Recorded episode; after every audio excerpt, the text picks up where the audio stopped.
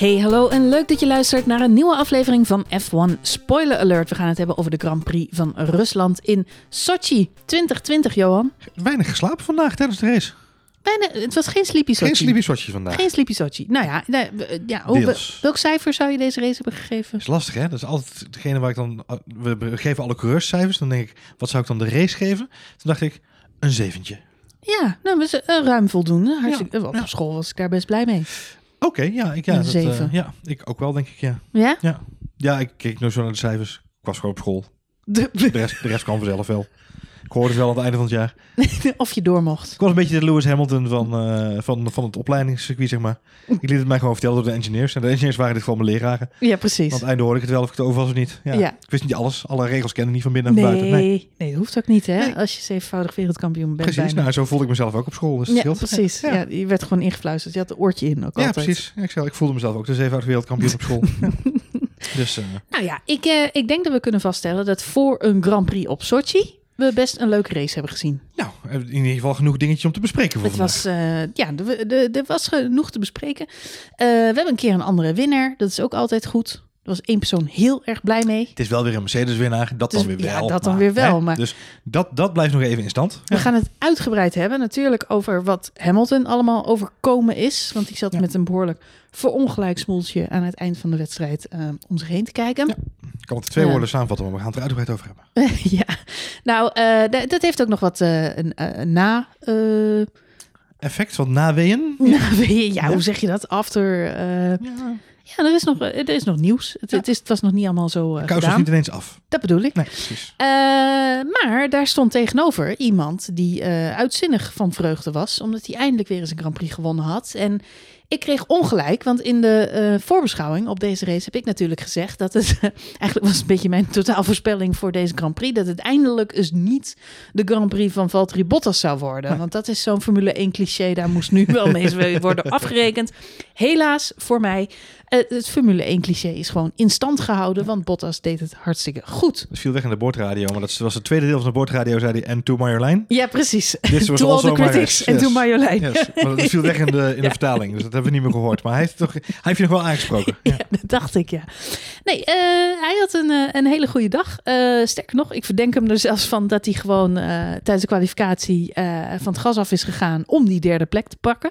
Ehm, maar daar gaan we het ook uitgebreid over hebben. Want ja, in alle opzichten, en dat is misschien wel leuk aan Sochi, ehm, eh, de, tactiek mattered. Weet je wel, de tactiek die je hier koos. eh, bepaalde heel erg wat uiteindelijk de uitslag van de race is. En dat zullen we straks ook nog zien. We hebben even alle statistieken en eh, eh, pitstop-strategieën nageplozen voordat we zijn gaan opnemen. En er zitten wat interessante dingen in. Ehm, en dat heeft natuurlijk alles weer met de, de bandjes te maken en hoeveel pitstops je nou ging maken. Maar ja, goed, ook Bottas had natuurlijk wel een voordeeltje vanaf die derde startplek. Dus wat dat betreft, dit is eigenlijk geen race om om, om vooraan te starten of om bijvoorbeeld Q3 eh, te halen. Per se te halen. Nee, niet met Nee. mede en persen. Nee, met... eh, Je kunt beter op zaterdag wat minder goed je best doen op Sochi. Dan heb je eigenlijk meer kans om eh, op goede uitslag. Ja, voor sommige teams gold dat wel dit Ja, weekend inderdaad. nou ja. goed. Eh, laten we beginnen bij, eh, bij het begin. Dat is ehm, eh, nou ja, Mercedes. Laten we vooraan beginnen. Vooraan Ja, beginnen, vooraan ja. beginnen. ja. We hebben toch weer zitten kijken naar een, eh, een oppermachtig eh, Mercedes eh, dit weekend. Ik moet zeggen, ehm, er zijn momenten dat ik Lewis Hamilton totaal niet uit kan staan. Eh, maar toen ik afgelopen zaterdag de kwalificatie zat te kijken, moest ik nageven dat het toch wel een uitmuntend goede coureur is. Ja, Wat een rondje. wel een rondje en eh, eh, dat, dat niet alleen. Eh, wat een rondje daarvoor ook, en de situatie natuurlijk met Vettel, waarin er nog een safety car, eh, of sorry, een rode vlag, eh, de baan eh, eh, afsluit voor de, voor de coureurs. Met 2 minuten 15 op de klok.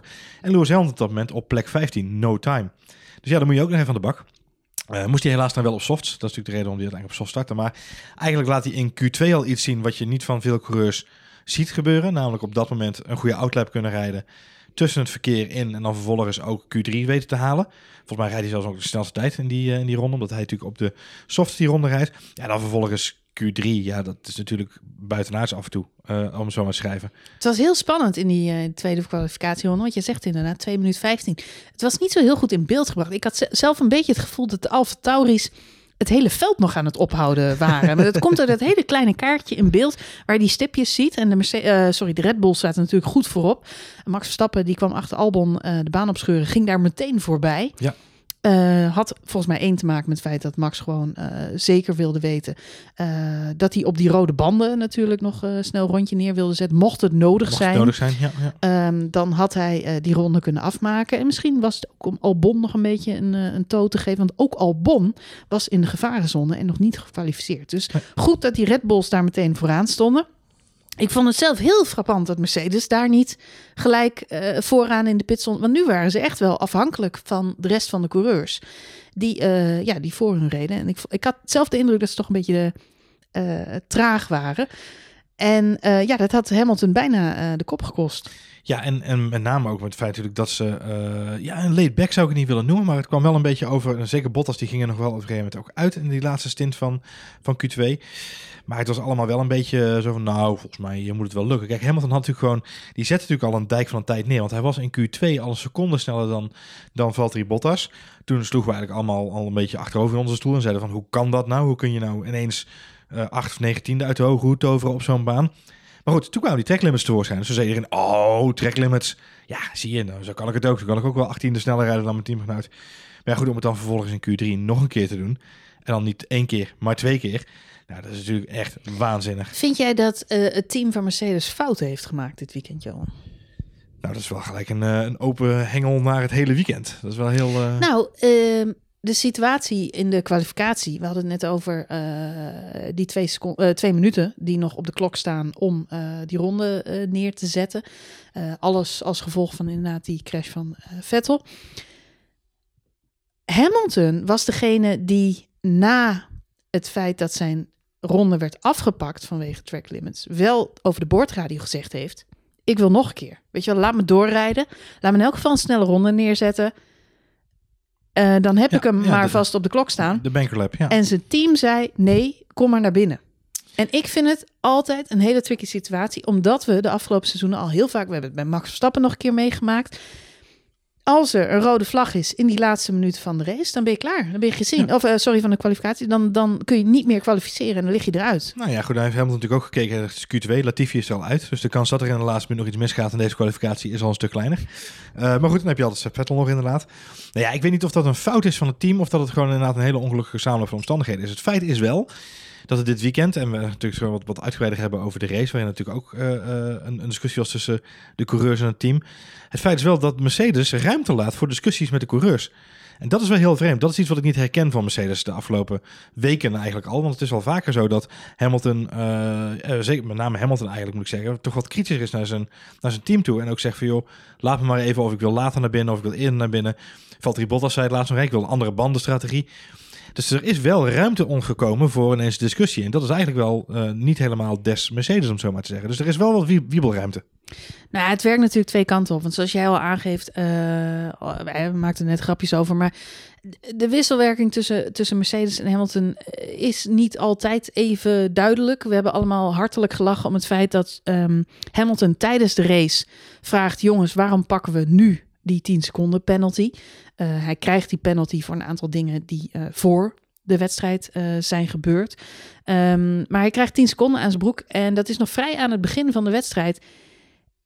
En in de reglementen staat, en dat weet elke Formule 1-kijker, in de reglementen staat, als je een penalty krijgt en je moet nog pitten, dan moet je die penalty pakken bij een Ja. pitstop. Ja, ja. En we horen Lewis Hamilton over de boordradio vragen, waarom plakken we die 10 seconden niet aan het eind van de race erbij? En denk ik, lieve meneer Hamilton, heb jij de afgelopen 260 races die je gereden hebt in de Formule 1 niet op zitten letten? dat, is, dat, dat weet toch iedereen? En ik vind het af en toe zo frappant dat hij dus wel de scherpte heeft om te zeggen, jongens, laten we voor de zekerheid een extra rondje erachteraan plakken. Want dan heb ik maar vast een tijd geklokt. En, en dat is voor de zekerheid wel handig. En eh, eh, andersom, Uh, ja, stelt, stelt, stelt, ja, is er dus ook vanuit Hamilton af en toe dingen die hij niet goed weet, waarvan ik denk, dat is ook niet handig, Lewis. Nee, maar dat is grappig, want zowel Valtteri Bottas als Lewis Hamilton en ook Max Verstappen overigens hebben in de persconferentie na afloop ook gewoon gezegd van, joh, waar ligt de grens, weet je? Moet je het complete uh, regel, uh, de guidebook uit je hoofd kennen? Valtteri Bottas zei, ik, ik, misschien moet ik het wel gaan bestuderen. Ik heb geen idee. Ja, de basis hebben we natuurlijk, maar je vertrouwt natuurlijk ook heel erg op je engineers. Dat is wat ja. Lewis Hamilton natuurlijk ook zegt. Ja. Volgens mij zei hij het zelf ook tijdens de wedstrijd al, joh, het is gewoon ook des Lewis Om gewoon eigenlijk dat stuk van zijn brein te outsourcen naar uh, Bono en, en, en James, uh, ik ben even achternaam kwijt, James Wiles, die de tactiek doet. Dr. Wolf natuurlijk ook. Dus hij, hij, hij outsourced, zoals jij dat zo mooi zei, hij outsourced dat stuk van zijn brein naar het, naar het team op de pitwall. En ik denk dat dat ook een groot deel is de reden waarom wat ook de grondslag, het grondslag ligt aan deze penalty die hij nu krijgt. Is gewoon, hij vraagt aan zijn team waar moet ik gaan staan. Zijn team zegt daar, dan ga ik, oké, ga ik daar staan. Ik ga niet nadenken over wat wel en wat niet mag of hoe het bij andere banen is. Of hoe het, als mijn team dat zegt, dan ga ik dat doen. Het is wel een soort van vertrouwensband die je hebt. En ik denk dat het ook heel goed is dat hij dat soort dingen niet weet. En ik denk dat hij net zo goed als ik en jij ook verbaasd was over het feit dat er een time penalty werd gegeven voor iets wat voor de race is gebeurd. Onderaan de streep. Eens, eens. En dat, uh, dat is na afloop dus ook nog uitgebreid besproken. Uh, tijdens de race kregen we de mededeling dat Lewis Hamilton niet alleen 10 seconden aan zijn broek kreeg, maar ook twee strafpunten op zijn licentie. Dat zorgde voor een hoop commotie. Want Lewis Hamilton heeft nogal wat strafpunten vergaard dit seizoen. Allemaal met een beetje van dit soort technische uh, dingetjes. Waarvan er meerdere een beetje zo uh, vraagteken, vraagteken zijn. Uh, na afloop van de race is bekend geworden dat die twee strafpunten niet er komen. Dus die zijn weer ingetrokken. En het heeft ermee te maken dat team van Mercedes toch een soort van informeel protest heeft aangetekend en heeft gezegd: joh, luister. Uh, Hamilton is daar gaan staan op onze instructies. Dus het was een teamorder en niet een rijdersfout. Vond ik wel heel mooi. Je zegt een protest, maar er is niet echt een protest geweest. Uh, uh, maar ze hebben gewoon een gesprek aangegaan. Ze hebben gezegd, hey, kom maar even uitleggen wat het verhaal is. Michael Massi heeft gezegd, oké, dan komen we langs. Dus hij is met de stewards, zijn ze bij Mercedes langs geweest. En Mercedes heeft gezegd, hier is de boordradio. Nou, die hebben wij toevallig, uh, mensen die het in Nederland bij Ziggo hebben geluisterd, natuurlijk ook gehoord. Uh, waarbij Mercedes gewoon zegt, joh, je moet daar gaan staan, punt. Ja. Uh, en daarop heeft het, heeft, hebben de stewards gezegd, oké, okay, dan, dan trekken we die strafpunten in. Want het is dus een samenloop van omstandigheden, een teamorder. Maar ja, dat brengt mij wel weer een beetje terug bij hetgene waar we het al vaker over gehad hebben. Um, volgens mij hebben we het vorig jaar nog gehad over de uh, unsafe release in, uh, in de pitstraat. Uh, wat natuurlijk ook een time penalty, of een, sorry, een, een geldboete was van toen nog 5000 dollar. Hebben we nog smakelijk om gelachen met z'n allen. um, dat, er zijn een heleboel ja, dingen die met... Ja, 25.000 euro. Excuus, er zijn, ja. Dit is 25.000 euro per overtreding, dus, dus 50.000 euro in totaal. Uh, even, oh, even aftikken voor Toto Zo, zijn. dat is wel wat meer dan 5000 euro voor Ferrari, waarbij bijna twee auto's tegen elkaar lagen. Exact dat, ja. Dus jongen, dat, uh, jongen, jongen. dat geeft maar weer aan hoeveel ook de stewards al rennen dan bijleren zijn, zullen we maar zeggen. Um, nou ja, aan het bijleren. Het blijft toch één grote arbitraire bullshit als je dit hoort. Ja, als je het zo hoort wel. Kijk, en wat het verhaal ook een beetje is, natuurlijk met dat verhaal met Ferrari hebben ze toen weer op te lossen met een geldboete. Daar werd natuurlijk een storm van kritiek, want iedereen zei van ja, weet je, op die manier kan lapt Ferrari lachend 5000 euro. Ja, natuurlijk. En dan rijden ze lekker vooraan met een safe release. Dus dat gaat natuurlijk geen, geen rol oplossen. Nou, datzelfde geldt hier ook een beetje. Dat er natuurlijk een, een, bedrag wordt genoemd om te zorgen dat dit niet meer in de toekomst voorkomt. Um, wat volgens mij had moeten gebeuren om dit in de toekomst te voorkomen, overigens, is uh, duidelijker omschrijven in je regelhandboek waar je wel en waar je niet mag proefstarten. Want dat is onderaan de streep. We hebben nu een heleboel dingen doorgelezen. We hebben een heleboel mensen gehoord de afgelopen uren. Maar niemand kan hardop zeggen dat er in een regel staat ergens... dit hokje, daar moet je gaan staan om te starten. Er staat namelijk aan de rechterkant van de pitstraat na de pitlampen. Ja, in, die, in dat licht bezien is Lewis Hamilton hartstikke veilig. Ja, nee, dus een stukje verderop gaan staan zelfs. Ja, ik vind het. Ik vind het uh, uh, kijk, ik zal de eerste zijn om te zeggen: uh, we hebben nog wat goed te maken. Max Verstappen die is in mijn herinnering toch meermalen van het podium geplukt. Om redenen waarvan je denkt: jongens, jongens, jongens. Hij had gewoon een briljante inhaalmove op Kimi Räikkönen in de allerlaatste bocht van Amerika. Amerika. Ja, ja. ja um, weet je, er zijn legendarische dingen gebeurd die, die bestraft zijn, waarvan ik achteraf denk: oh, wat een crime.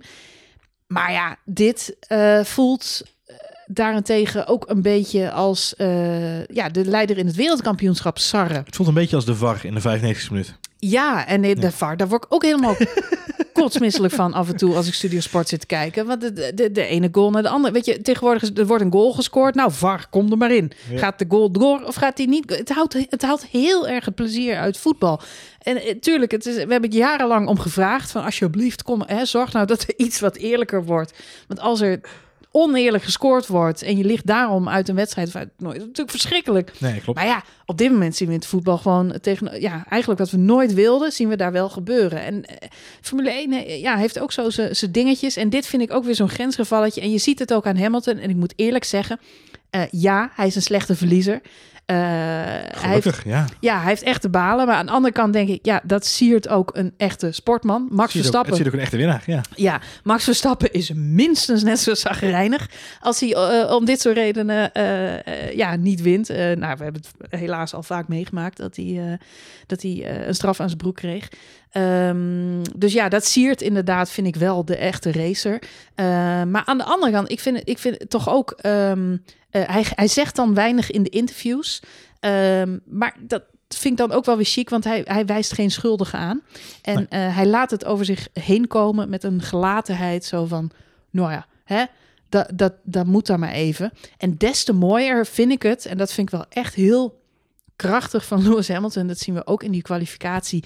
Als het hem tegenzit, dan komt hij terug op een manier die nog veel harder is dan wat je daar ooit daarvoor hebt gezien.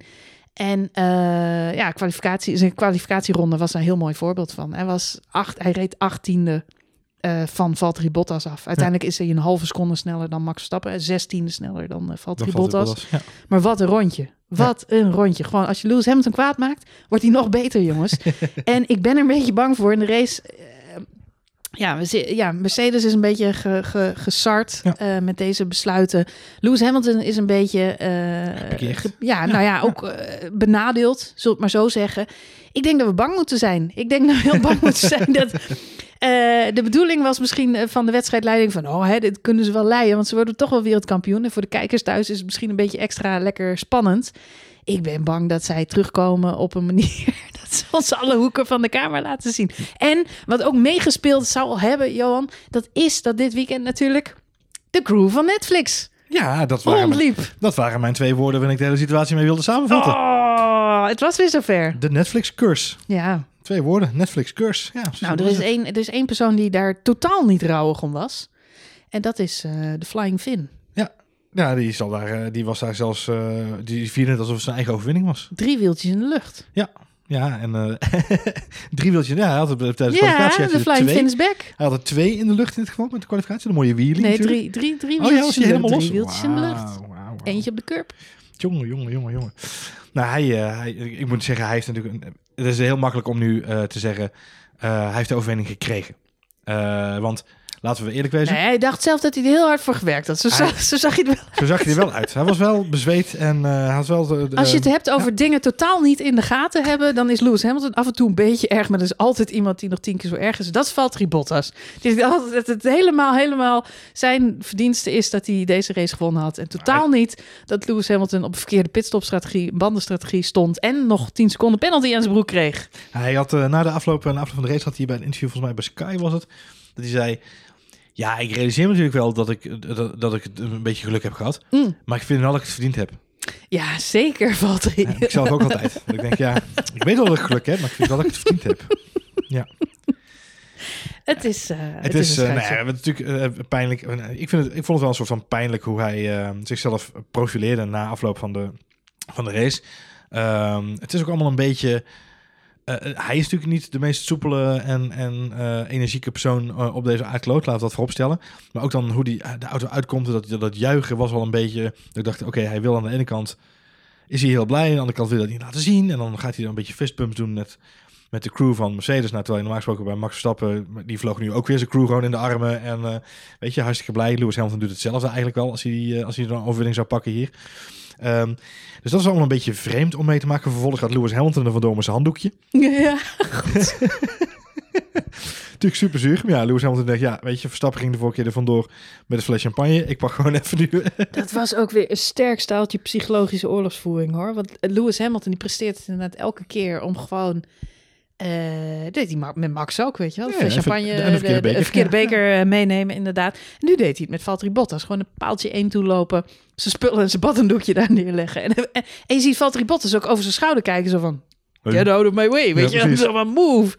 En die kwakt dan ook echt zijn spullen daar neer. Zo van, mijn plek. Het is echt, het is gewoon de basisschool all over again, Ja. Johan. Nou ja, goed. En, en wat natuurlijk het meeste eh, iedereen in het oog sprong was zijn, zijn commentaar na afloop van de race over de boordradio. Zijn, zijn eh, eigenlijk de, de reprise van zijn eh, eerdere boordradio, To Whom It May Concern. Ehm, ja, weet je, dat verhaal, dat, dat geeft ook aan hoe diep van binnen het bij Valtteri Bottas gewoon op dit moment stuk is, zou ik bijna willen mhm. zeggen. Want als dat nog je enige motivatie is om het eruit te halen. eh, uiteindelijk bleek de afgelopen dagen dat hij natuurlijk heel veel eh backlash heeft gehad op social media ook. Eh, dat hij ook op een gegeven moment is gaan reageren op mensen op social media. Wat ik ook altijd heel opvallend vind. Dat je daar de tijd voor neemt als coureur zijn. Ik denk, focus je toch gewoon lekker op je eigen potje en, en maak er wat moois van. Maar je merkt dan aan Valtteri Bottas gewoon, en zeker doordat hij dus dat weer ineens herhaalt. Ja, het is een beetje ehm, eh, kleinzerig. Dat is eigenlijk het enige woord wat ik me zo snel kan, kan bedenken. Het- het voelt niet alsof daar een groot winnaar blij was met de overwinning die hij gepakt heeft. Met de, de, de, eigenlijk de foutloze race die hij wel gereden heeft. Want wat ik al zeg, het is heel makkelijk om te zeggen... Valtteri Bottas heeft hem gekregen. Want dat is grotendeels zo. Ehm, eh, al op kwalificatiemodus, eh, wat je zelf al zegt, de, de bandenstrategie was wel anders. Dan komt daar een, een time penalty bij. Dus hij heeft wel echt een groot deel van de overwinning gekregen. Maar dan moet je hem nog steeds wel gewoon eh, foutloos binnen de gekleurde lijntjes houden. En dat is hem gelukt, weet je. En hij heeft gewoon een hartstikke goede foutloze race gereden verder. Dus eh, het is niet zo dat, hij, dat het een pannenkoek is die niet gepresteerd heeft vandaag.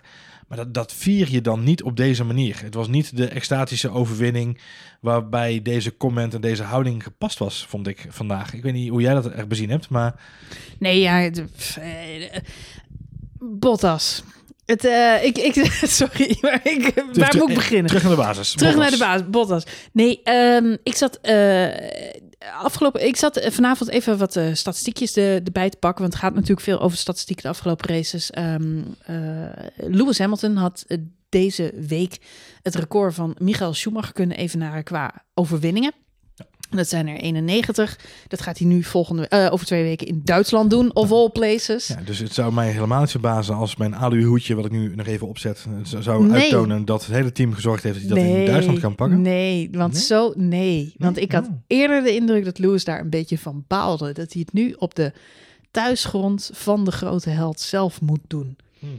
Dat eh, vindt zelfs Ja, een en- gentleman als Lewis Hamilton En niet Netflix, zo schijnt, chic. en Netflix schijnt er niet bij te kunnen zijn om te kunnen filmen. Dus ja, En vergeet, lastig. ja, vergeet ook niet dat eh, Mercedes natuurlijk ook de oude renstal van eh, Schumacher is. Ja. Aan het eind van zijn carrière. En Duits. Ja. Dus eh, nee, ik, ik, eh, nou, het zou mij niks verbazen als hij hem zelfs eh, even laat schieten op de Nürburgring. Aan de andere kant, wat ik net zeg, hij komt sterker terug dan ooit, mensen. Ik noteer hem even onder weinig plausibele verklaringen. maar ik, wie weet, wie weet, wie weet. Maar Bottas, vertel. Nee, ja, Bottas. Ik zat even statistisch kijken. Bottas is een ander lijstje aan het binnendringen. En dat is ja, eigenlijk twee lijstjes. En dat gaat dan over het aantal coureurs met ehm, eh, veel podia, maar nog geen wereldkampioenschap. Oké. En eh, de heer Valtteri Bottas staat op dit moment in de derde plek, op de derde plek in dat lijstje. Oh, Dan moet je eh, zelf even raden wie de nummers 2 en 1 zijn. oh eh, de nummer 1, dat moet, dat moet haast wel Barrichello zijn. Dat is uiteraard Rubens Ja, Barrichello, precies. waar we het vaak de- over de hebben. Nummer 2. Oh, Eeuwige oh, nummer 2. Oh, nummer 2. Ja, er is er nog zo eentje. Er is er nog zo eentje die best wel wat gewonnen heeft. Echt lekker mee heeft gedaan in de Formule 1. Ik zou willen zeggen Coulthard, maar ik weet niet ja, zeker. dat is Dave Coulthard. Ja, echt? Ja, Dave Coulthard. Oh, wauw. En eh, ja, Rubens Barrichello en Dave Coulthard hadden eigenlijk hetzelfde probleem als Valtteri Bottas. En dat is een, eh, een teamgenoot die gewoon alles wint. En bij Rubens Barrichello was het natuurlijk Schumacher. En bij eh Coulthard was Maak het even top Hakkinen. 5, Jan. Ik ben even. Wie is dan, wie is dan 4? Even denken. Eh, Ja, vier is Gerard Berger. ah, Berger. Die ja, had ja, niet echt eh, heel, veel. Nou, eh, Gerard Berger, moet ik eerlijk bekennen, heb ik eh, zelf maar vier, vier jaar zien rijden. Want die rijdt al. eh, die reed natuurlijk in de jaren tachtig al. Ja, ja, ja. maar die reed met Alesi in de jaren Oh, dat ik ja, keek. ja, ja. En dat waren ook de jaren dat Ferrari het niet zo heel goed Nee, deed. nee, nee. En nummer vijf staat Carlos Reutemann. En die reed in de jaren 70, 80. Oké, dat is Dus ook voor onze die, tijd. Die, Ah, die heb ik nooit zien rijden. Maar Mark Webber, Ja, plekje zes. plekje 6, oké. Ook zo'n eh Zo'n notoire, ja, nooit wereldkampioen nooit geworden. Hè? En naast Vettel natuurlijk. Ja. En dan hebben we nog Felipe Massa. Dat is eigenlijk de opvolger van Rubens Barrichello. Ja, precies. Ook de man naast ehm, eh, Schumacher Ja, natuurlijk. En ja. dan moeten we wel een beetje uit gaan kijken. want Wie staat er op plek nummer 8? Ja, dat moet Verstappen zijn dan. Ja, dat is Max Verstappen. Dus, eh, en er is nog zo'n soort rijtje. Ik heb hem hier even niet bij de hand. Dit, dit zijn nog even al duidelijk. Zijn alle mensen die eh, met het aantal overwinningen zonder een de meeste podia, Podia, sorry. Ja, podia. zonder een wereldkampioenschap. Mina.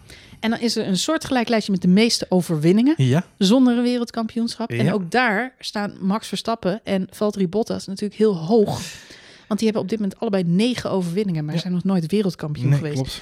Dus eh, Max Verstappen moet zich wel een beetje nou ja, Dus- zorgen. Ik weet niet of hij zich zorgen moet gaan maken, maar het is opvallend dat hij natuurlijk in de lijn, terwijl hij zo'n sterke eh, coureur is en natuurlijk duidelijk de nummer één bij zijn team. Ja, zeker, ja. Ehm, maar ja, helaas rijdt er in de sport nog een ander persoon rond. En eh, we hebben het al heel vaak gezegd, maar Valtteri Bottas zou veel meer overwinningen moeten hebben. Zou er veel meer moeten hebben. Jij zei net Nico Rosberg. Ja, Nico Rosberg haalde er, eh, eh, even kijken, 23 in zijn vier jaar bij Mercedes naast Lewis Hamilton. Ja. Eh, hij reed natuurlijk inderdaad vijf jaar bij Mercedes, of misschien zelfs zes, even uit mijn hoofd. Maar hij haalde er 23 eh, eh, naast Lewis Hamilton. Dus ja, het feit dat hij ehm, eh, toch wel wat meer uit die auto wist te halen dan eh Valtteri Bottas. Dat, dat kampioenschap was ook veel, eh, dat waren ook veel meer aan elkaar gewaagde teamgenoten. Dat was ook veel meer een strijd tussen die twee. Ja. Dit is veel meer, en eh, ik weet dat iedereen dat ook al vaak nog gezegd en gehoord heeft, maar dit is inderdaad veel meer Barrichello Schumacher dan dat het Rosberg eh, Hamilton is. Weet je, dit, dit, ja, dit is gewoon niet, dit is niet meer op hetzelfde niveau onderaan de streep. Negen overwinningen in, in de vier seizoen dat hij nu bij, dit is zijn vierde seizoen bij, hè, toch? Ja, vierde. Ja, dit, is gewoon te mager feitelijk uit, Het uit is te auto. mager. Ja. En dat, eh, ja goed, dat, eh, dat moet Bottas zich aanrekenen. En En vooral ook als je gaat kijken welke races die wint hè, en, en hoe die ze wint en, Ja. en waarom die. Want als je dat nog eens, want dat doen we nu niet eens. We kijken nu alleen maar naar de cijfers, maar ook de manier waarop hij wedstrijden wint. Ja, weet je, het is niet, het is, het is niet de, de Rosberg die, die, die tikte gewoon af en toe Hamilton eraf als het nodig was. Ja, dat zie je Bottas gewoon niet doen. Dat mes tussen de tanden is er gewoon niet. Zo simpel is het.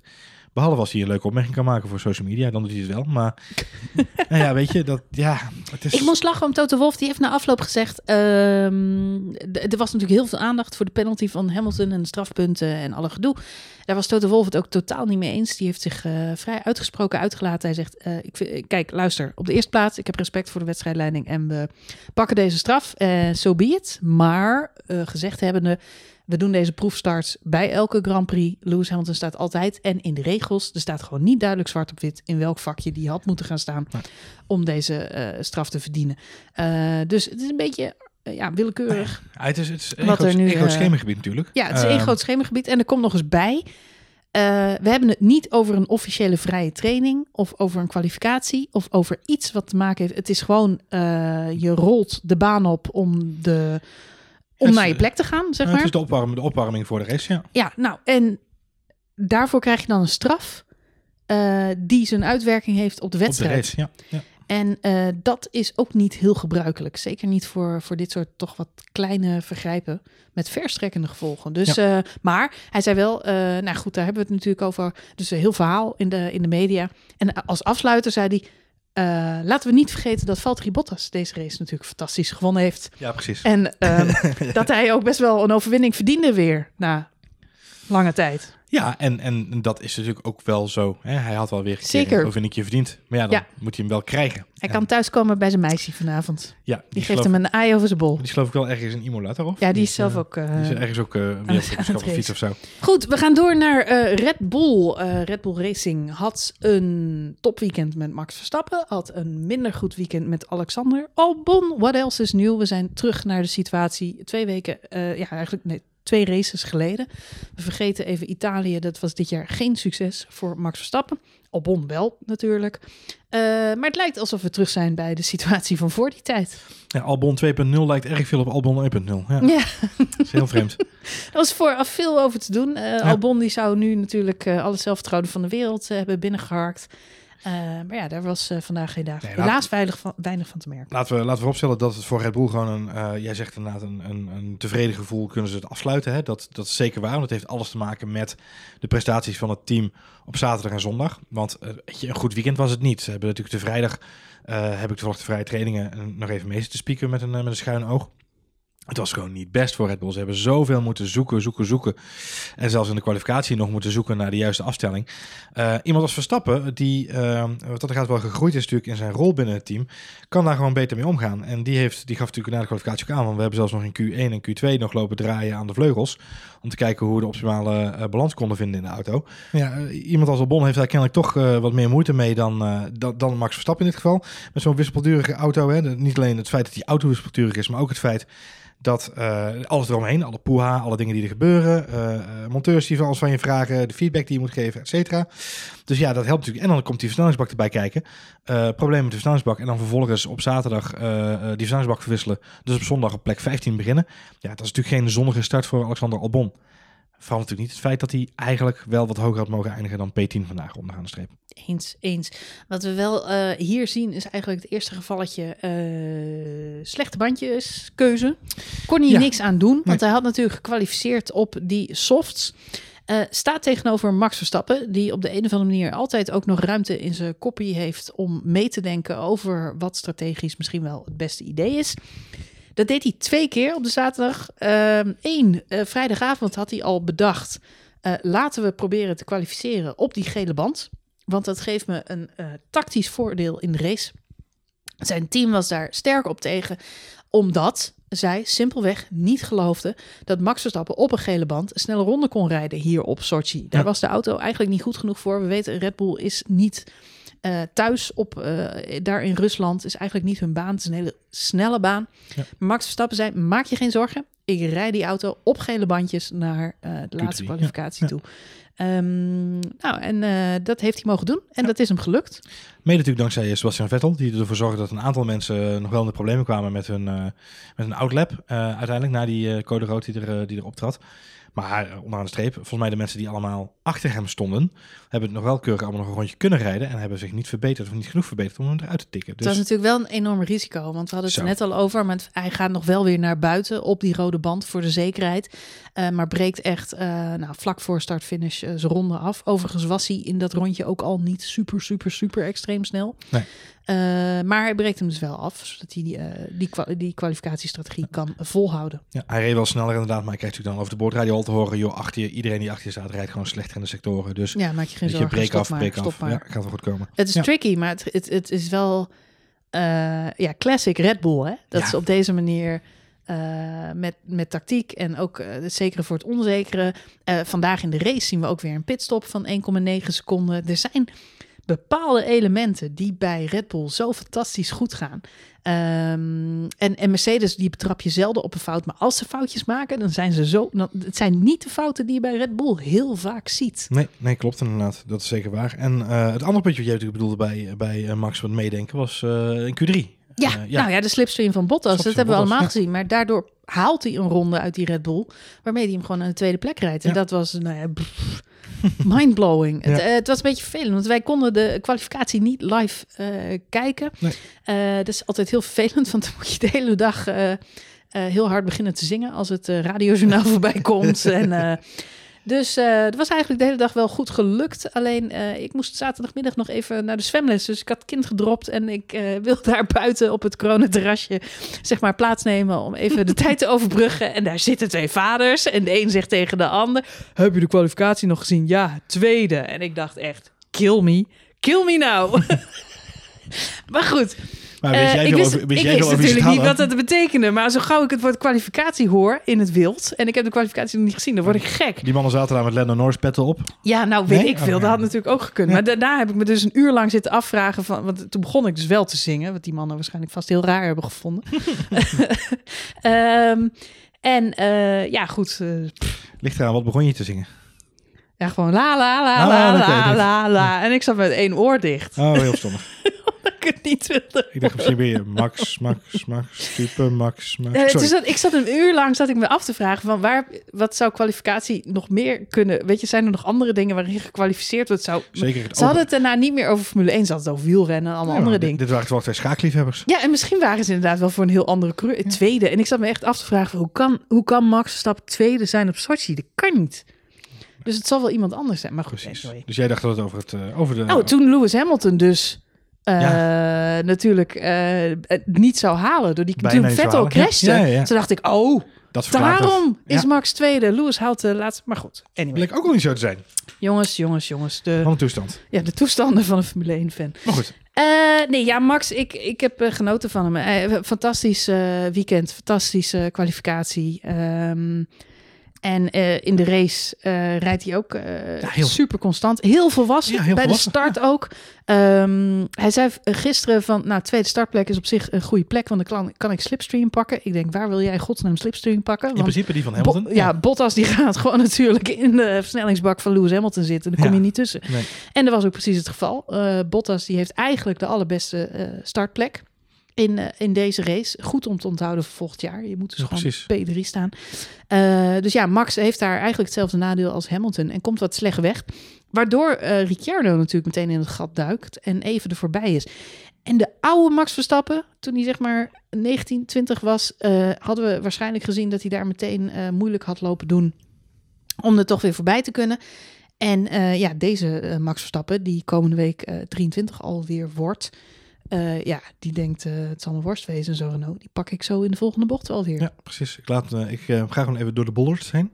En hoe wijs dat is, dat hebben we natuurlijk aan de andere incidentjes weer gezien. Want wat dat betreft was het toch weer een beetje Toscane 2.0.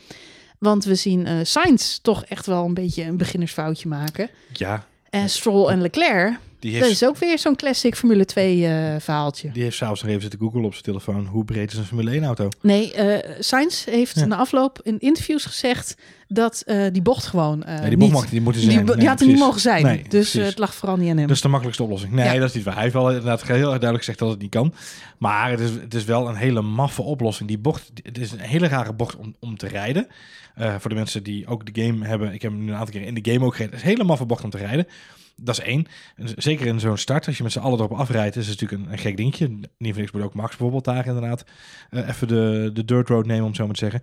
Maar die oplossing met die, met die bollers daar, ja, ik snap dat niet helemaal. Ik zou, ja, En Grosjean heeft hem geloof ik wel drie keer kapot gereden. ja, die ging Dus, voor de bonuspunten. eh, maar die dacht Ja, dat het dacht, was. Ja, inderdaad, ja. Die dacht Break through the door doors. doortje. Toen, eliminated. Helaas. Nee, ja, eh, ik, ik blijf dan toch denken, Sainz heeft nu net zoveel races achter zijn riem als Max Verstappen. Volgens mij zitten ze allebei op ja. 108, 105, 106, ja, weet ik veel. eh, races. Ja, maar ze hebben dezelfde hoeveelheid ervaring. Ehm, ik zou bijna willen zeggen, ja, Max zie je zo'n fout niet zo heel snel maken. Aan de andere kant, Max zien we natuurlijk wel eens vanaf stuiteren in een vrije training. Ja. Maar ja, ik vind toch ook dat het moment meetelt. Of je het nou in een race doet of in een vrije training, vind ik toch een Nou ja, groot en ik verschil vind, ik maken. vind er afstuiteren is, eh, kan verschillende gradaties hebben. Kijk, we hebben Max ook wel eens een hele maffe shunt zien maken in Monaco Q3, eh vrije training 3, net voor de kwalificatie, dat hij dus niet Ja, kon kwalificeren. Dat, doet hij zijn leven niet meer verkeerd. Dat zal niet zo heel snel meer verkeerd gaan, denk ik. Eh, de, de type fout die Sainz, het type fout wat Sainz nu maakte, is, is gewoon heel typisch. Je rijdt gewoon op de verkeerde hoek die, die bocht in. Ja. Ehm, en je weet, dat het, je weet dat daar een muur staat. Dus ja, dan kun je ook om inrijden. Ja, Eens. hele rare fout. Wat ik, eh, wat ik denk met Max Verstappen, dat is dat we nu wel echt, als je, als je in gaming termen of zo, eh, het is nu wel echt de complete coureur geworden. En al die fouten waar jij het nu over hebt van Monaco en, en natuurlijk ook de vrije trainingen dit seizoen ook wel nog een keer voorgekomen.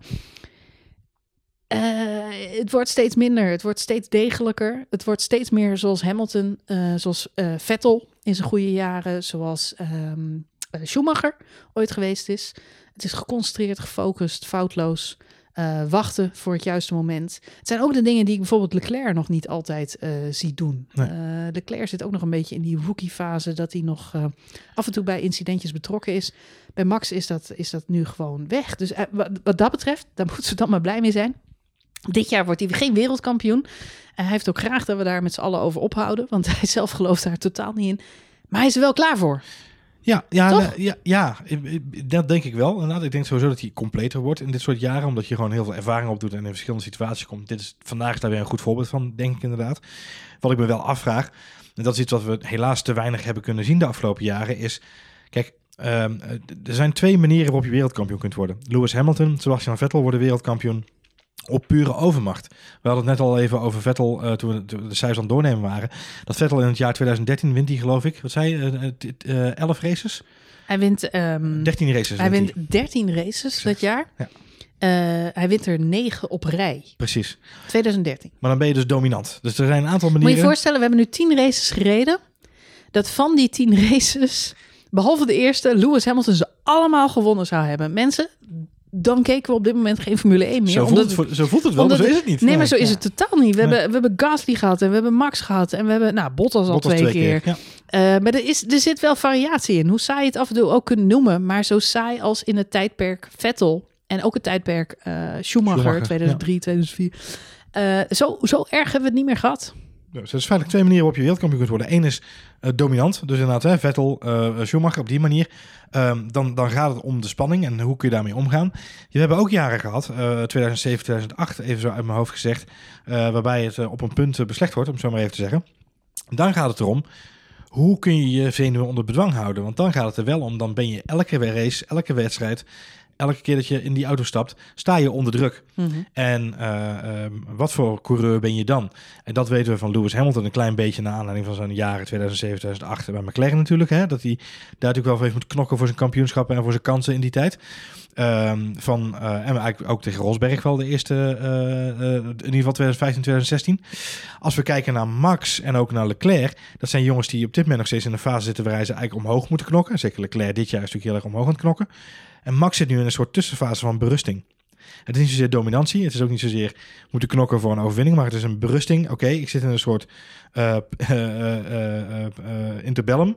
tussen een kampioenschap en tussen plek 3 en 4 in. Ja. Dus hij, hij weet je, dat is, ook wel, dat is ook wel een prettige manier om vanuit te werken. Die spanning is een stuk lager. Dus daardoor kun je ook, precies wat jij vandaag zegt, hij zit hier in hoog aan. Dan denk je, oh, die pak ik zo wel even terug. Dat is geen probleem. Dat eh, fixen we zo wel even. Pom, tidom, tidom, dat komt zo wel. Dat is een berusting, dat komt vanuit die berusting. En die heeft Ja, hij gelukkig wel. Eens. En daarnaast vind ik hem mentaal gewoon natuurlijk veel sterker dan een Valtteri Bottas. Ehm Valtteri Bottas laat echt zijn hoofdje hangen. En ik snap dat ook wel. Als je naast Lewis Hamilton in een auto zit, ja, dan word je daar misschien ook een beetje down van. Ehm, maar ja, het, het, het is toch van zijn gezicht af te lezen dat hij zich af en toe laat, eh, laat kennen. En, en Max is dat niet. Die, ik vind hem mentaal ook heel weerbaar in het feit dat hij zich gewoon berust in het feit dat dit het nu eenmaal is. En ik denk als het puntje bij paaltje komt, Lewis Hamilton ermee stopt. En hij zou de strijd aan moeten gaan met eh Valtteri Bottas. Dat, ehm, dat hij op zenuwen, zeg maar, eh, hij, hij wel in staat is om een Valtteri Bottas eh, te verslaan. Ja, maar dat is heel simpel. Dat, dat is omdat Max Verstappen, eh, en dat is jij zegt mentaal sterker. Ik denk dat Bottas mentaal ook best wel sterk is. Je zult best wel een bepaalde kracht moeten hebben om naast Hamilton te kunnen blijven rijden, vier jaar lang. Dat is, Weet je, je kunt niet zomaar naast een wereldkampioen blijven rijden en jezelf elke keer weer opladen. En jezelf opnieuw repareren en zeggen, nou ik ga het nog een keer proberen jongens, daar gaan we weer. een beetje denken aan uh, Unbreakable, weet je wel. Ehm, maar goed, dus hij heeft wel een bepaalde mentale weerbaarheid en hij is best wel sterk. Alleen wat het verschil tussen Max en Bottas echt is, vind ik onderaan de streep, is die winnaarsmentaliteit en die mes tussen de tanden. En zeggen, ik wil deze race winnen of ik wil deze bocht winnen, ik wil deze sector sneller zijn. Ik wil van mijn part het snelste rondje vandaag rijden, dat maakt niet uit. Maar als Max iets wil, dan wil hij dat heel erg graag. Uh, Ja. Dat geldt ook voor Hamilton. Dat geldt ook voor Vettel, feitelijk. Uh, Leclerc denk ik dat het ook voor geldt, bijvoorbeeld, om zo even iemand te noemen. En er zijn een aantal mensen waarbij ik denk dat het niet geldt. Ik denk dat het niet geldt voor een, uh, weet je, Alexander Albon. Ik moet het nog zien van mensen als een Carlos Sainz, of ze het echt willen, op het moment dat ze daar zijn. ik heb het gevoel... En Valtteri Bottas ja. staat mij bovenaan die lijst. Van mensen Ja? waarvan ik zeg, je staat op de plek om het te kunnen pakken, maar je wil het nog niet. Nou, ik denk dat... Ja, ja, Ja, ik hij snap je- het wel. Ja, hij wil het volgens mij niet, wel, maar, maar... niet, maar niet door, door, door een deur heen te moeten lopen. nee, Het liefst zou Ja. hij de sleutel van de deur krijgen en dan de deur kunnen openen. Dat zou het makkelijkste dat zijn. zou het makkelijkste Ja, zijn. en terwijl Grosjean, die rijdt er doorheen. Ja, Ja. nee, maar Grosjean heb ik gewoon het gevoel bij dat, dat hij meerijdt als testcoureur. Dat. Johan spuugt zijn- biertje uit. Stel eens lekker zo'n du dubbele herresbok. Nee, maar echt, iedereen is bezig inderdaad voor sectoren en voor snelste rol. En Grosjean, die rijdt daar gewoon als een soort mat- materiaaltest. Ja, die is gewoon rondjes aan het maken. Want Haas heeft ronde, ronde informatie nodig. En met die data kunnen ze hopelijk volgend jaar een keer een auto bakken. Die wel eh, Ja, het zou wel zijn. de- niet laatste wordt. Ja, ja, precies. Dan kan Hulkenberg nou iets van proberen te maken samen met Perez. Ja. Drama. Nee, ja, goed. Eh, ik snap wat je bedoelt. Ja. Goed. eh, speaking of wereldkampioenen en mensen met winnaarsmentaliteit. Dan is er natuurlijk altijd al heel snel, als je het daarover hebt, Kimi Räikkönen. Zeker mensen die mentaal weerbaar zijn, ja. ja. nou, dat Ja. weet ik wel zeker. Ik heb vandaag eh, af en toe mee zitten luisteren met, eh, met Kimi Räikkönen. Ik moet eerlijk bekennen dat ik Kimi Räikkönen niet gehoord heb. Dus eh, volgens mij communiceert hij gewoon ook races lang niet met zijn team. Dat weet je niet, maar Kimi Räikkönen communiceert via mind bullets. Die gaat telepathisch, gaat hij, rijdt hij langs de pitwall en dan doet hij met je gedachtenstromen, brengt hij het over naar zijn team. Hij kreeg van zijn team wel informatie over eh, hoe het ging. Eh, de reden dat ik hem er even uitlicht is eh, één, er is een re- recordje geëvenaard. Dat is namelijk het record race starts. Eh, we hadden het net al even over de legendarische Rubens Barrichello. Die stond 322 keer aan de start van een Formule 1 Grand Prix. Roei, roei, roei. En Kimi Räikkönen is dit weekend op datzelfde aantal gekomen. Dat betekent dat hij 322. ehm, ja, volgende week, oh, sorry, weer over twee weken in, op de Nürburgring eh, kan hij er overheen. Er gaat, er gaat dus een, een dubbel Ferrari-record misschien wel volgende week uit de boeken, of over twee weken uit de boeken. Dan Ja, gaat Schumacher eruit en dan gaat ook Barrichello. Dat, Ja, ja. het zijn, maar het zijn natuurlijk, Ah, dit zijn dit- coureurs. Dit zijn, dit zijn. Ja, waar. driver records. Even voor de, voor de beeldvorming, 322. Sebastian Vettel reed dit weekend zijn 250ste race. Dus Kimi heeft een behoorlijke voorsprong. Dat klopt. En ehm, Lewis Hamilton zit op 260 races. 260 alweer. Iemand die dit record op korte termijn nog zou kunnen gaan breken is Fernando Alonso. Fernando. Die zit op 311 eh, races. Eh Rubens Barrichello die heeft een filmpje opgenomen. Dat hebben de mensen misschien al lang gezien. Eh, maar daarin feliciteert hij zijn vriend Kimi Räikkönen. Hij zegt, hartstikke goed. Misschien moeten we in de toekomst ooit, als dit allemaal achter de rug is... maar met z'n tweeën een goed glas wijn drinken... en nog eens samen herinneringen ophalen uit de tijd... dat we ook nog samen op podia stonden. Hmm. Ja, dat is ook nog gebeurd. Klinkt als, als een aantal van Kimi's meest favoriete dingen. Met wijn, wijn drinken. en, en, en, En praten. En, en, en Herinneringen herinneringen. Als er een paar dingen zijn die Kimi niet zoveel heeft, is het. Hij heeft niet zoveel met wijn. En herinneringen heeft hij ook zoveel niet meer. Oh, eh, maar goed, de- dus dat. En eh, ook de mededeling, Kimi, ra- ga alsjeblieft nog even door. Want eh, Fernando Alonso komt eraan. Ja. Dus eh, keep on going. Ja, Met andere nog een paar keer van de baan af. Ja. ja. er is wel eh, ja, lichte eh, wens vanuit diverse mensen dat Kimi Räikkönen nog een jaartje blijft rijden. Hij heeft daar zelf nog steeds geen uitspraken over gedaan. Het zou afgelopen week dan een beetje bekend moeten worden. Maar hij heeft dit weekend gezegd, joh, door die records laat ik me allemaal niet leiden. Dat Nee. zal mijn worst wezen. Records zijn er uiteindelijk om ooit te sneuvelen. Nou, daar weet Schumacher en Lewis Hamilton alles van. En zelfs die records van Hamilton gaan misschien ooit weer, eh, weer sneuvelen natuurlijk. Dat was trouwens het verhaal dat die eh, 15 september hè, zou die eh, clausule in zijn contract gelicht moeten zijn. Voor verlengen of niet verlengen Van Kimi. van Kimi. Mhm. En eh, het schijnt volgens eh, ingelichte journalisten dat het al lang en breed eh, in kannen en kruik is dat hij gewoon nog een jaartje doorgaat. Ja, dat, horen wij dan maar weer, eh, weer niet van Kimi. Het zou natuurlijk wel, eh, wel hartstikke mooi zijn. eh, want hij rijdt gewoon weer een hele sterke wedstrijd, deze race. Hij finisht weliswaar niet in de punten. Maar wat leuk is als je Kimi Räikkönen een beetje in de gaten houdt. ja, tijdens sowieso valt altijd op dat hij toch, waar hij ook rijdt, hij haalt in. Ja. Hij is altijd aan het challengen. En dan moet ik zeggen dat dat de afgelopen races vooral met de Williamsen is en de Hazen. Helaas, ja. En zijn eigen teamgenoot, die die dan maar weer voorbij rijdt. Eh, maar gooi je Kimi om wat voor reden dan ook achteraan de grid. eh, dan zorgt hij wel dat hij altijd weer naar plekje 15 klimt. ja, zo om en erbij. Een Ja. soort ehm, een hamstertje wat je in een wiel zit. wat toch elke keer weer terug wil naar, naar omhoog. Ja, wat, wat natuurlijk heel knap is, is dat eh, op pure snelheid is de, de Alfa Romeo dit jaar de, de langzaamste auto op de baan. Dus uit Ja. de, de statistieken gebleken van de eerste negen races, is die Alfa Romeo gewoon eigenlijk de langzaamste auto op de baan. Dus wat heel veel eh, eh, zegt over de kwaliteiten van eh, Kimi Räikkönen, maar ook Antonio, Antonio Giovinazzi in dit geval, die toch alle twee al gewoon punten hebben weten te halen in die, eh, in die Alfa Romeo. Giovinazzi dit, dit weekend elfde zelfs Mhm, hè, in Rusland. mhm. Hartstikke goede prestatie. Krijgt hij natuurlijk wel twee plekjes cadeau van Sainz en Stroll. Maar goed, pakte toch mooi een elfde plekje daar. Bijna toch richting die punten. En Rijkoon, ja, die reed gewoon heel lang in de punten. Maar die moest helaas nog natuurlijk pitten. Ehm, maar die, eigenlijk, ik schreef deze ook in de nieuwsbrief die we natuurlijk verzenden. Schreef ik ook, Rijkoon is de enige die in het achterveld elke week weer het maximale uit het materiaal weet te halen.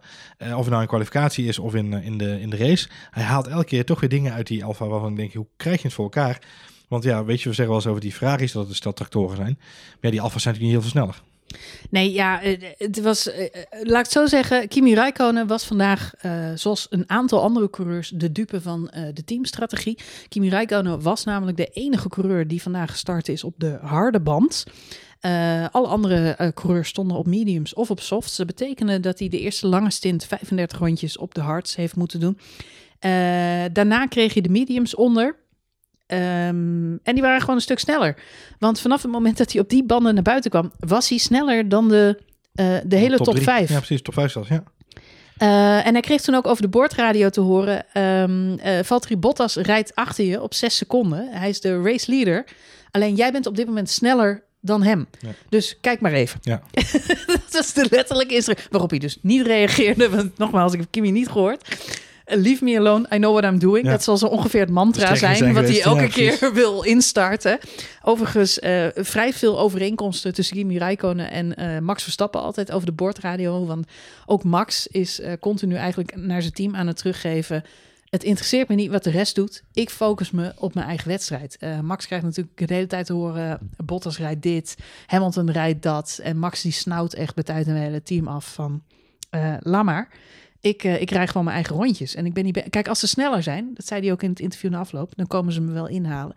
En als het niet zo is, dan, eh, dan pak ik gewoon ik punten. wel. Ja, precies. Ja. Nou, en voor Kimi Räikkönen geldt eigenlijk een beetje hetzelfde.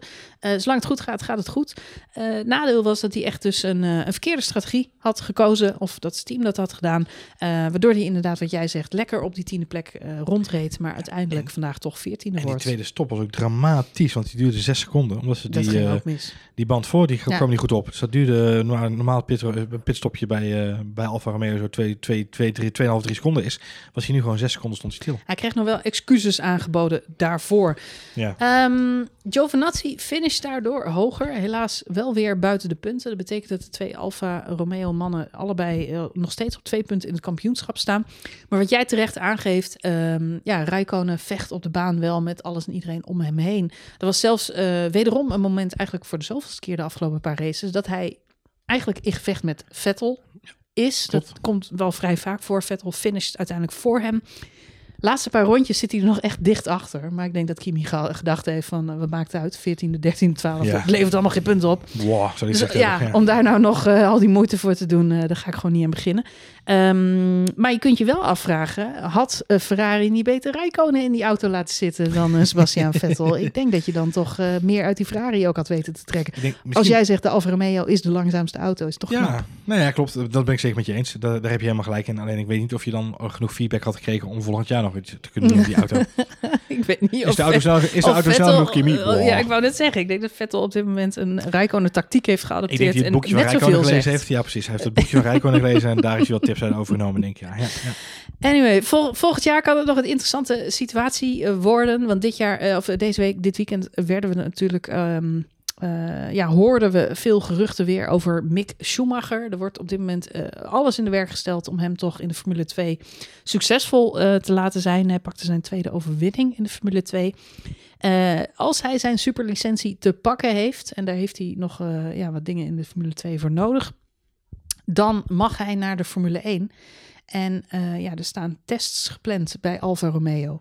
Dus de vraag is een beetje, zien we dan Kimi Räikkönen naast Mick Schumacher? Ja, het zou wat zijn inderdaad. Dus, eh, Schumacher staat nu, eh, de geruchten zijn dat hij in, op, in Duitsland in de auto zal gaan starten bij, eh, bij Alfa voor de vrijdagtraining, eh, de ochtendtraining op vrijdag. Ehm, ik, weet je, er zitten een paar hele talentvolle jongens in de Formule 2. En, eh, en Mick is daar absoluut één van. Dit weekend was er veel controverse over zijn overwinning in de, in de Formule 2. Er zijn een hele hoop mensen die toch een beetje achter de oren beginnen te krabben. En er is ook een officieel protest nu aangetekend tegen die overwinning. Dus ik weet eigenlijk nog niet, op dit moment even niet helder wat daar de status van is. Maar het verhaal is wel dat er toch wel krachten bezig zijn om Mick Schumacher natuurlijk richting Formule 1 te krijgen. Natuurlijk, logisch, die jongen kan rijden. Hij heeft ook een hele krachtige achternaam op de een of andere manier. Voor de mensen die ervan houden. Ehm, maar ik weet niet of het zo heel verstandig is om hem naast Kimi Räikkönen neer te zetten. Want Kimi Räikkönen ehm, is volgens mij op zijn oude dag nog steeds in staat om een hele jonge ziel gewoon heel hard te krenken. Dus ik weet niet of je daar als jong talent het beste van, eh, het meeste van leert. Want volgens mij rijdt hij hem gewoon eh, stuk als je niet oplet. Ik weet het niet. Ik, ik probeer het echt voor. Enerzijds denk ik, hij is echt inderdaad een teamgenoot crusher. Hij maakt gewoon eh, de vloer gelijk eh, van, van jonge rookies. En aan de andere kant denk ik, als je de kans hebt om naast Kimi Räikkönen te racen, met al zijn... eh, Dit weekend, Max Verstappen heeft niks aan Albon. Weet je, de rondetijden van Albon zijn zo slecht, dat die data heeft hij niks aan. Hij kan er niet naar kijken en er iets van leren. Maar de data van Kimi Räikkönen is zo goed. Eh, daar heeft Alfa Romeo heel erg veel aan. En onderaan de streep Mick Schumacher ook. Dus ja, eh, wat dat betreft zou je toch zeggen, laat hem erin zitten. Wat me wel heel raar lijkt, dat is dat ehm, voor een aantal coureurs, die hebben natuurlijk nog met, Met Michael. eh, met ja. Michael, met Michael Ja. Schumacher Ja. gereden. En nu komt het zoontje van. Waaronder natuurlijk Kimi zelf. Ja. Maar ook Vettel en Hamilton. En Ja, Weird, het is hè? heel maf inderdaad. Ja. ja, en zeker ja, goed, voor Vettel is het natuurlijk zijn jeugdheld, Michael Schumacher. Dus dat zal het helemaal eh, maf voor zijn. Ja, het is, het is een hele rare situatie zich voor. Aan de andere kant, hij zal toch een keer moeten, weet je. Als het dan, als het dan toch moet. Alfa is natuurlijk wel een team waar die eh, meer kan oppikken, denk ik, dan bij Haas. Want dat zijn, als je even kijkt naar de leveranciersteams van Ferrari, waar ze supplies leveren, waar ze spullen leveren. Dan hebben we het dus over in dit geval Alfa Romeo, of eigenlijk Sauber moeten we zeggen, want Alfa Romeo is een naamsponsor, het is het team van Sauber eigenlijk. Eh, maar Alfa Romeo en, en Haas. Eh, de, vraag is dan, waar kun je streep het meest leren? Is dat dan bij Vasseur of bij Koen Steiner in dit geval? Ja, ik denk dat je als, als jonge coureur beter bij Vazeur kunt zitten dan bij Gunther Steiner. Eh, ik denk het ook. Ja, waar leer je het meest bij Vasseur als coureur? N- Nou, dat is Nou, een goede slogan. Ik, ik denk denk, dat hij het eh, op zijn persoonlijke website gaat in, zitten. Ga in de leer voor coureur bij Frederik Vasseur. Dat is een hele goede Daar gaan we. Payoff. Ik ben in te huren voor feest en partijen. Goed zo. Dank wel. Eh, Johan, we gaan cijfers geven. Er reden ook nog een aantal andere coureurs mee toch waar we het niet allemaal over hebben gehad. Maar dat kunnen we nu nog even snel doen. Nou, snel dan. Eh, laten we beginnen met Valtteri Bottas. Welk cijfer geef jij de beste man? Een 8,5. Nou, dat is een hoog cijfer, Johan. Ja. Ik eh, geef een 8. Oh, nou, dat is ook een hoog cijfer, mooi. Hè? Ja, ja, hij had een topstart, maar vervolgens weet hij het niet af te maken. Nee, dus, klopt. ehm, Zat hem, we vlogen hem bij tegen zijn helm. Ja. Jezus, dat is toch... Nou goed. Het leek overigens een stukje van de auto van Hamilton te zijn, dachten ze. Hè? Bij, eh, ik zag bij Ziggo in de, op de eh nabeschouwing die ik nog even teruggekeken heb. Zag Hebben ik ze dat, ingezoomd eh, op de bij. Eh, gaf aan dat hij dacht dat het een, eh, een stukje was van, de, van een stukje carbon van de auto van Hamilton. Wat op, op zijn Nee, dat was Lewis Hamilton. Die was naar de feestwinkel geweest. Had hij allemaal nep bijtjes gekocht. En Ja, die, gooide, die strooide die zo achter is een zich. soort Mario Kart. Zand in de ogen. Een soort Mario Kart. Ja, Ehm, Max Verstappen. krijgt mij een 9. Ik had een 9,5. Hij was Zo. uitmuntend goed dit weekend. Echt een van de beste Max Verstappens in tijden die we gezien hebben. Kwalificatie, top. Eh, race, fantastisch. Echt goed gereden. Eh, Lewis Hamilton, 8,5. 8,5 voor mij ook. Eh, ja, gewoon derde plek. Ja, gewoon derde plek. hij is er zelf totaal niet blij mee, maar die punten zijn mega belangrijk. Ja, maar hij had een Max Verstappetje. Het is gewoon, eh, je start derde, je wordt derde onderaan de streep. Hij startte dan geen derde. Hij startte... maar in principe wat, wat, hij, wat hij al zei, want iedereen zei van het was wel een hele eventvolle race. Hè, waarop hij zei, nou ik viel eigenlijk wel mee. Ik ben eh, als eerste gestart, ik ging naar binnen, ik kwam terug als derde, ik ben als derde geëindigd. Ja, Dus dat is een beetje het verhaal. Ja. Ja.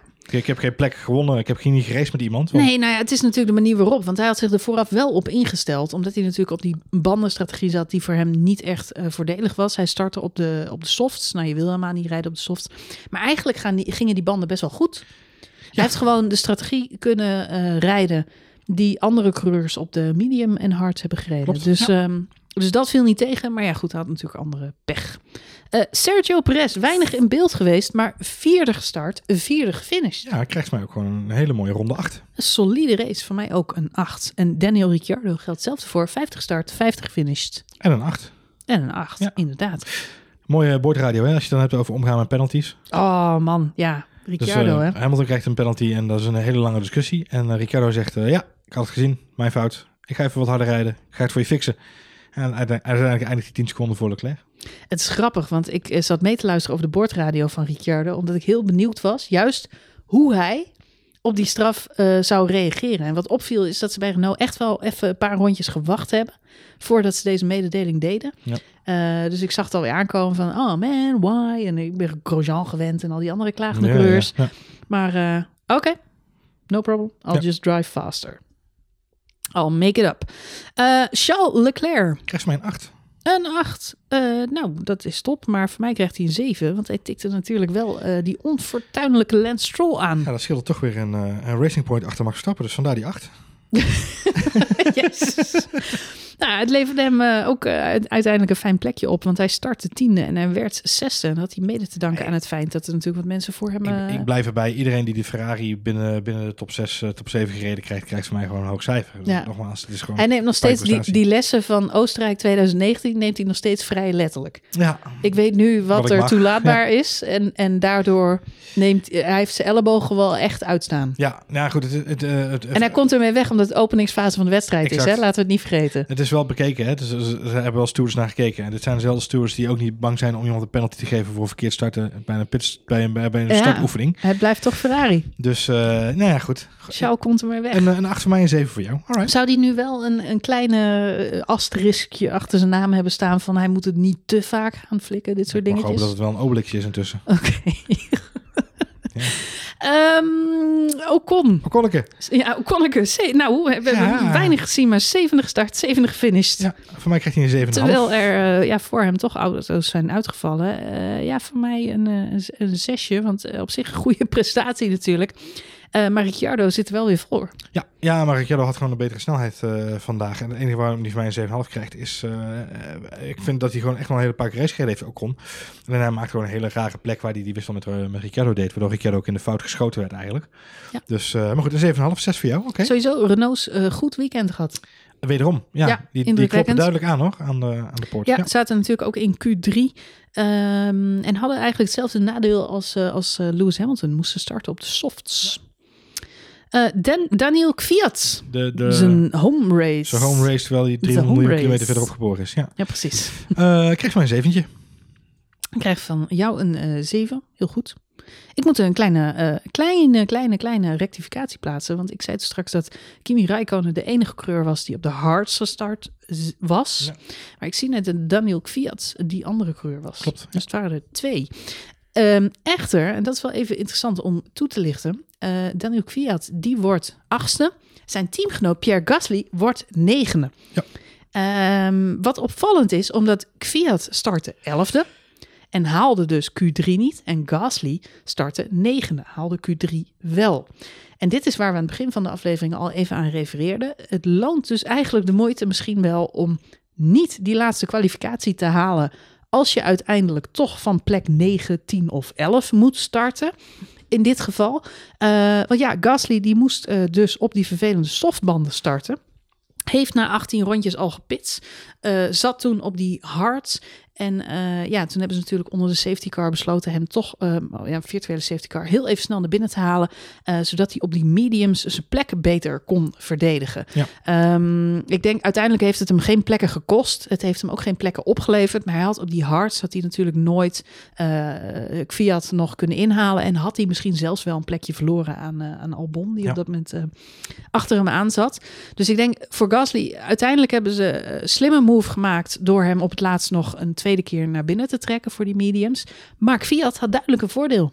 Door Ja. op die hardste te starten en uiteindelijk nog 23 rondjes op de medium te, is te precies, doen. eh, precies 21 seconden het gat tussen deze twee heren. Dus dat Ja. is precies die pitstop eh, die hem daar een beetje opbreekt, om zo maar even te zeggen. Ja, Dus, eh, dus dat. maar goed.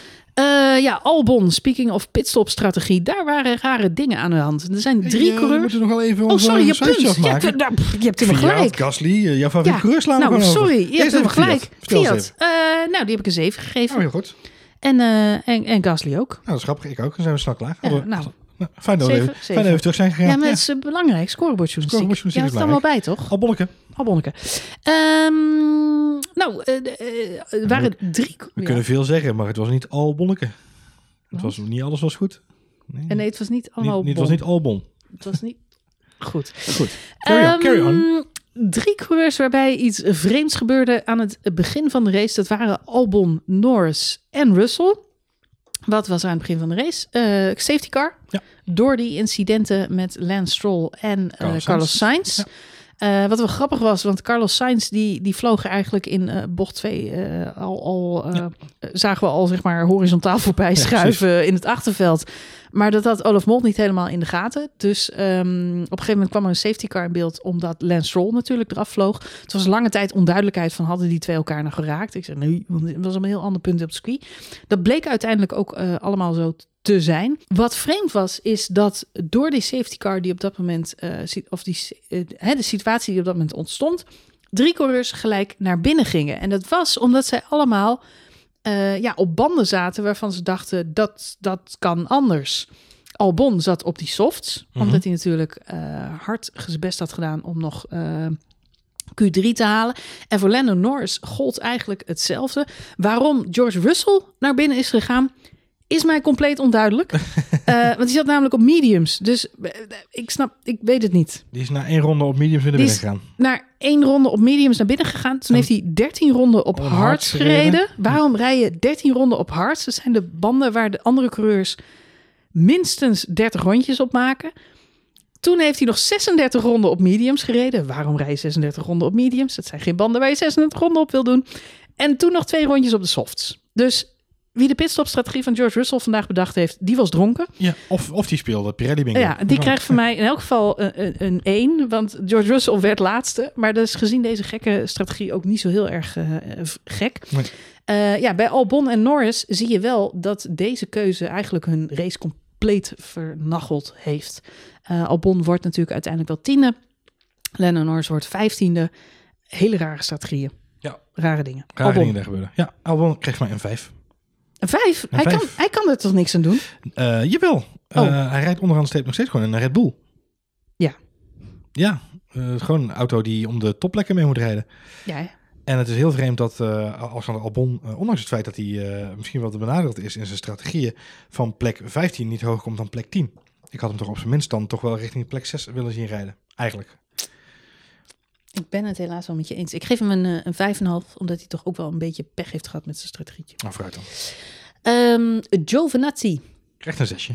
Ja, zesje. Prima gedaan. Helaas net buiten de punten. Magnussen, Een 7 bij mij, ja.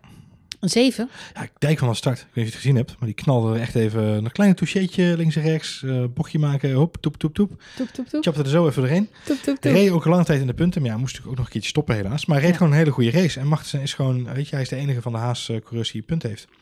Ja, dat, dat is gewoon zonde. ja, een zeventje. Ik heb een 6 voor eh, Magnussen. Eh, Vettel, Een zesje. Een zesje. Ja, eh, Vettel ook weer eh rare eh pitstop-strategie. 30 ronden op de mediums, 22 op de hards. Bij Ferrari lijkt ze... Of, of het moet Vettel zelf zijn die hierom vraagt. Maar het, eh, het blijft gek af en toe wat daar gebeurt. Eh Seb Vettel, gaf jij een, Een zesje. een 6. Ik ook. Oh, heel goed. Kimi Räikkönen, Een 7,5 Marlijn. Een 7,5. Nou ja, ik eh, heb een eh 8 voor Kimi. Een 8 voor Kimi. Hij Jongen, reed eh, heerlijk, fantastisch. Nou, mooie, mooie inhaalacties weer. Als nou blijkt, als nou blijkt, uiteindelijk allemaal niks op. als nou blijkt dat het niet Kimi zijn laatste jaar is geweest, Ja, dan hebben we wel heel veel hoge cijfers gegeven misschien. ja. I don't care. Het is Kimi is Kimi Räikkönen. Räikkönen, jongens. Lando Norris. Een zesje van mij. Ja, vijf. Eh, ja, kan hij zelf niks aan doen. Maar het was echt een but weekend van Wacht Lando even. Norris. Dus Albon kreeg een 5, maar daar kon ja, je zelf vijf niks en aan doen. half. Vijf en half. Nou, Vijf, nou, daar krijgt Lando ook een vijf en half. Maar ah, ja, ze worden allebei de dupe van eh, slechte strategie. nou, dan. Eh, Latifi. Een zesje. Een zesje. Eh, ja. Ja. En we komen in zesjes territorium, want Ja, Grosjean van mij Ja, ook. Grosjean. Ook een zesje. Ja, zesje. Die Wel rijdt... een eh, 8,5 voor het doorrijden van die, van die bollers. Dat, dat doet Ja. goed. Ja, ze Ja. ja. stijlvol uit. dus, maar helaas een 6 gemiddeld. Ik denk dat we daar de komende week nog wel wat mooie Fall Guy memes van... eh, Ja, mooie gifjes. Ja, te gek. En dan hebben we nog George Russell met zijn dronken pitstopstrategie. Ja, ja, die kan hij ook zelf niks aan doen volgens Nee. jou. Maar voor mij krijgt hij een 5, helaas. Ja. Hij Echt? heeft zelf ook gezegd in interviews, ik voelde me af en toe weer een rookie. Dus eh, ja, dat geeft ongeveer wel aan welke mindset hij had in de race vandaag. Ja, er waren wel weer wat incidentjes. Hè. Hij maakte ook een remfout, waardoor hij eh, weer... Hij is, hij is op een gegeven moment nog best aardig in gevecht. Ja, nou, Eh, dat, dat is die laatste pitstop die hij moet maken. Ook onder andere is omdat hij eh, natuurlijk een behoorlijke remfout maakt. Ook voor Norris geldt trouwens hetzelfde. Die ook een behoorlijke... Ja, maar Norris, die wordt ook gepiepeld. Want die wordt dus ook in het eerste rondje naar binnen gehaald. Daarna laten ze hem 46 ronden op de hards rondrijden. nou, kan makkelijk. 46 ronden. Dat makkelijk. verklaart, nee, dat verklaart wel die fout. Want je kunt niet 46 ronden op de hards. Maar ik denk dat ze bij McLaren en een aantal andere teams... er heel erg op gegokt hebben... Dat er nog safety car dat er zou nog safety car zou komen. En ja. die is er uiteindelijk niet geweest. Goed, we zijn er doorheen. Ja, Lance Stroll, wil je hem nog een cijfer Ja, ja, geven? Voor Stroll. zijn, Ja, eh, zijn mooie spin? Stroll een, eh, een, een zesje. Een zesje, ja, heb ik ook. En, En uh, Sainz? zijn ze vijf. Ja, ik ook. Ja, zijn we er mooi uit. Nou, zijn we er doorheen. Nico Hulkenberg. Nico Oh, die niet mee vandaag. Ja, nee, helaas. Oh, Volgend jaar weer. Volgend jammer. jaar weer. Goed, eh, we gaan afronden. De Grand Prix van Sochi. Hij viel mee dit jaar. Hij was eigenlijk best leuk. We hebben ervan genoten. Het is even weer een weekje afgelopen met eh, Formule 1. Dat geeft ons even wat adempauze. Eh, en dan gaan we door naar de Nürburgring. Dat is lang geleden. Also, jetzt geht los. Ja, heel leuk. Ik ga even in de, op zolder op zoek naar of, of ik nog oude foto's heb Oh ja, vast wel. van, eh, van de Nürburgring. Oh, je bedoelt van Nürburgring. Ja, ik wil zeggen, oude foto's die was wel hebben. ja, van de Nürburgring. Ah, ja, ja, leuk. Even herinneringen Ik zal, ik zal de Mika-vlag voor je uitrollen. Ja, die staat als het goed is ook nog op zolder. Ik heb nog die, die zilveren McLaren-vlag. Kijk, kijk eens aan. Dus eh, ik heb ook nog zo- zo'n handje met... Nou, anyway. Goed, ik zal het allemaal opzoeken, de merchandise. Ehm, heel erg bedankt voor het luisteren. Wil je reageren? Dan kan dat via de Twitters. Kan het via Twitter. At F1 Spoiler Alert. Of Johan Voets. Of, of Marjolein met een lange ei. Ehm, Telegram kan natuurlijk ook. Review achterlaten in je podcast-app of op iTunes of waar dan ook. Of kan natuurlijk een ook. briefje bij de koffieautomaat. Vinden we leuk. Of op een briefje bij de koffieautomaat. Eh, en wil je reageren op deze uitzending of vragen insturen voor onze volgende voorbeschouwing op de Nürburgring? Laat het ons vooral weten. Ja. Heel erg bedankt voor het luisteren en heel graag tot de volgende race in Duitsland. Tschüssi.